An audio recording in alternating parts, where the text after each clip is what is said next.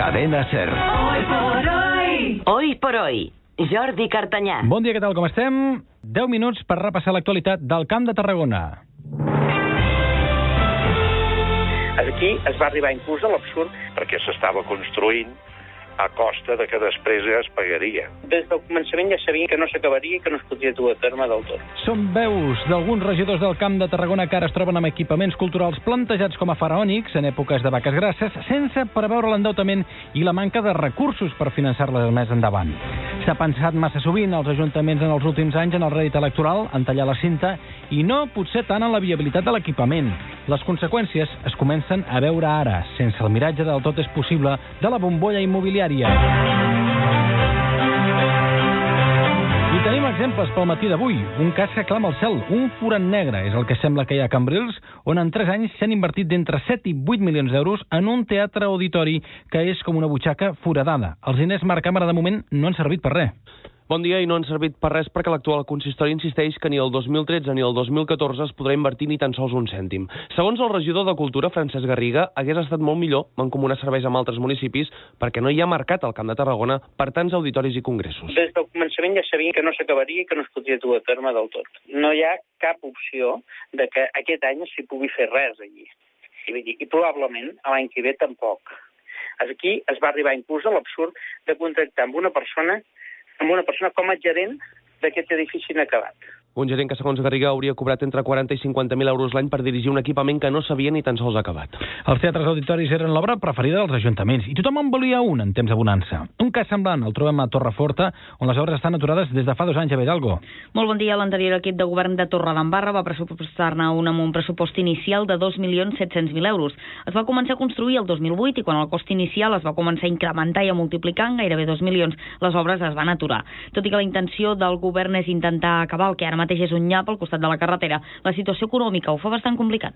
7, 8 i 52 del matí, disculpeu, més equipaments que de moment haurem de mantenir l'imaginari col·lectiu. Marc, per exemple, hem de mirar Reus perquè de moment no s'obrirà la biblioteca per Anguera. Joaquim Sorio, el regidor de Cultura, assegura que ara mateix no hi ha diners per, poder, per posar-la en marxa. La constructora o la promotora va fer suspensió de pagaments. Fins que no aixequi la suspensió, tot això es pot allargar. I després, a partir de que l'aixequin, també l'Ajuntament haurà de pagar uns cèntims perquè s'estava construint a costa de que després es pagaria. I ara no hi ha cèntims a Reus. Però clar, mentrestant, s'ha de buscar lloc per guardar els més de 15.000 llibres que Berenguera tenia a la seva biblioteca particular, que es van cedir a la ciutat. Uns llibres que ara la seva parella, Mercè Costafreda, amenaça amb reclamar davant la manca de voluntat de l'equip de govern per a buscar-li una solució tot plegat. Joaquim Sorio es defensa i assegura que aquest mateix gener espera tancar un acord amb Costafreda per tal de conservar els llibres en bon estat.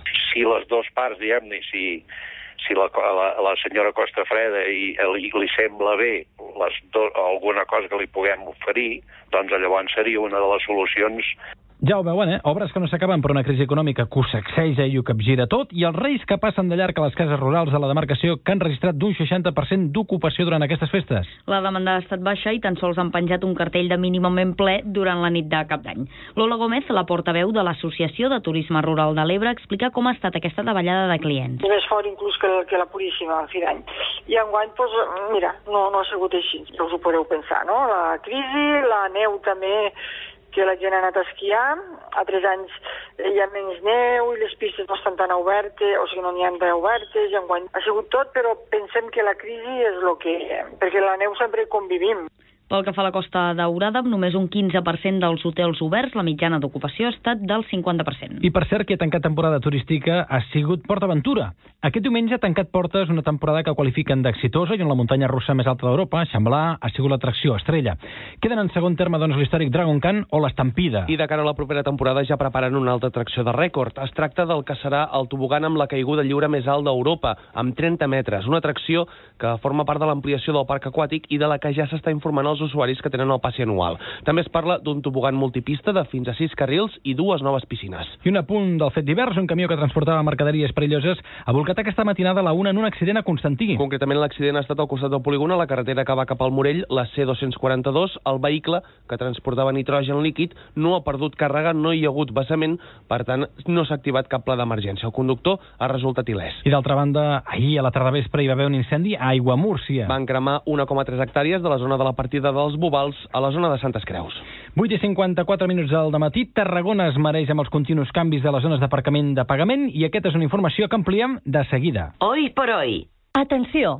Els centres cívics comencen els cursos de formació i lleure. Vine i apunta't. Inscripcions online a reus.cat. És un missatge de l'Ajuntament de Reus. Hoy por hoy. Jordi Cartanyà. Allò que els dèiem, Tarragona s'està marejant amb els continus canvis a les zones d'aparcament de pagament. L'Ajuntament explica que es fan atenent a les demandes i peticions veïnals. A on s'ha de pagar per aparcar i amb quina tarifa? Doncs aquesta és una pregunta que probablement es fan molts tarragonins i visitants a la ciutat. Aquest estiu es van començar a pintar zones verdes i taronges i des de llavors hi ha hagut nombroses modificacions a causa de les queixes dels veïns per aquest nou mosaic de colors al paviment. La primera zona on es va fer va ser al barri dels Músics, on les places verdes passaran a partir d'aquesta setmana a ser taronges a un preu més reduït pels residents i treballadors de la zona. S'ha modificat, per tant, la intenció inicial de l'Ajuntament. Laia Estrada, membre de la plataforma Stop Parquímetres, explica com ho veuen tot plegat. que tot plegat és una constant eh, improvisació i un anar sobre la marxa, modificant, posant pedaços, i, i a més a més doncs, haurem d'aclarir la zona taronja que implica per, per les persones residents L'Ajuntament també suprimirà en breu 143 places de pagament de l'Avinguda Països Catalans, que tornaran a ser gratuïtes perquè no han acabat de complir l'objectiu fixat de funcionar com a aparcament dissuasiu i no accedir al centre més canvis, per tant, que se sumen als inicials establerts. Un consistori que justifica, tot plegat, justifica aquesta actitud, assegurant que precisament el desplegament per fases de les zones regulades d'aparcament permet parar atenció als problemes concrets de cada zona. I ens quedem a la ciutat. Hoy por hoy. I com ja saben, Tarragona i totes les ciutats catalanes avui viuen l'inici del període de rebaixes. En volem parlar amb el president de l'Associació de Comerciants de la Via T de Tarragona, Joan Blázquez. Senyor Blázquez, molt bon dia. Hola, bon dia. Unes rebaixes de les que es diu que enguany se'n vendrà d'un 10% menys de gènere que l'any passat, però ens sorprèn que vostès mateixos, els comerciants, diguin que les rebaixes com aquestes de gener, amb data d'avui i amb els temps que corren, ja no tenen sentit. Per què? Perquè el, ja s'estan fent tot l'any, d'una forma o d'una altra, i eh, sempre hem dit al petit comerç al comerç de proximitat que nosaltres el tema rebaixes mai tenia que ser tan llarg. I ara resulta que es fa tot l'any. I la veritat no, no ens afavoreix i, i busquem fórmules i formes i maneres. El que passa és que, per sort, la gent està descobrint que el petit comerç dona un servei i molt, moltes, moltíssimes vegades, inclús millor preu que el gran comerç. Sort d'això i ens anem salvant d'alguna forma i també estem millorant molt amb les formes de, de funcionar. Senyor Blázquez, en tot cas, les rebaixes vostès també les demanarien més curtes en el temps. Ara són fins al 6 de març. Fins al 6 de febrer Clar. seria una bona opció? Seria... Eh, tindria que ser de les que feien abans la meitat demanar nosaltres. I encara era molt, perquè eh, el petit comerç en, en 15 dies pot treure l'estoc que li sobra. I és treure l'estoc només per no perdre els diners que costa aquell estoc, de cost. I, en canvi, les grans superfícies el que fan és que les allarguen perquè guanyen diners amb les rebaixes. Uh -huh. I com més llargues, millor, clar. Senyor Blázquez, quin balanç fan de les ventes d'aquest Nadal? De com ha anat tot plegat? No ha anat malament, eh? Jo diria que no, està, no ha anat malament, perquè tenint en compte que la gent s'ha acostumat i s'ha acoplat i saben com mesurar millor la compra i la venda, doncs el, eh, diríem, es mou una mica menys, però es guanya el mateix. Jo diria que, jo diria que està bastant estabilitzat i, i el que ha sigut Reis ha anat una mica millor que altres anys. Doncs, senyor Joan Blázquez, li agraïm moltíssim que hagi atès la nostra trucada al matí d'avui a l'Oi Poro i moltíssimes gràcies. Gràcies a vosaltres. Anem als esports. En Alfons López, molt bon dia. Hola, molt bon dia, Jordi. Primer cap de setmana esportiu del 2013 i mateixes dinàmiques per futbol de casa nostra d'Am Nàstic i Reus. El club de futbol Reus va superar per 2-0 el Llaclano amb gols de Prades i Rubén en pròpia porta i tanca la primera volta de Lliga amb 29 punts a la setena posició, lloc que dona actualment accés a la Copa del Rei. Santi Castillejo, tècnic dels reusencs, no vol pensar en res més enllà de sumar els 45 punts de la permanència. Yo soy realista, el grupo es complicado. Los tres chavales han estado calentando, son los que han sacado luego las castañas de fuego. Estaba Prades, estaba Dani, estaba Alex. Esos eran los recambios ofensivos que teníamos. Tenemos dos jugadores lesionados, uno grave, el otro no sabemos hasta cuándo. Atranía un mes fuera, vamos a ser cautos, ¿eh? Vamos a celebrar el triunfo y seamos cautos, poco a poco. D'altra banda, el Nàstic va empatar 0 al camp de l'Alcoia i, malgrat seguir sense guanyar, millora la imatge de caràcter sobre el camp. D'aquí que Javi Salamero, tècnic dels Grana, lamenta haver perdonat en ocasions durant els primers 45 minuts. I pel que fa als reforços, el club espera tancar en les pròximes hores la sessió del migcampista del Huesca, Marc Martínez.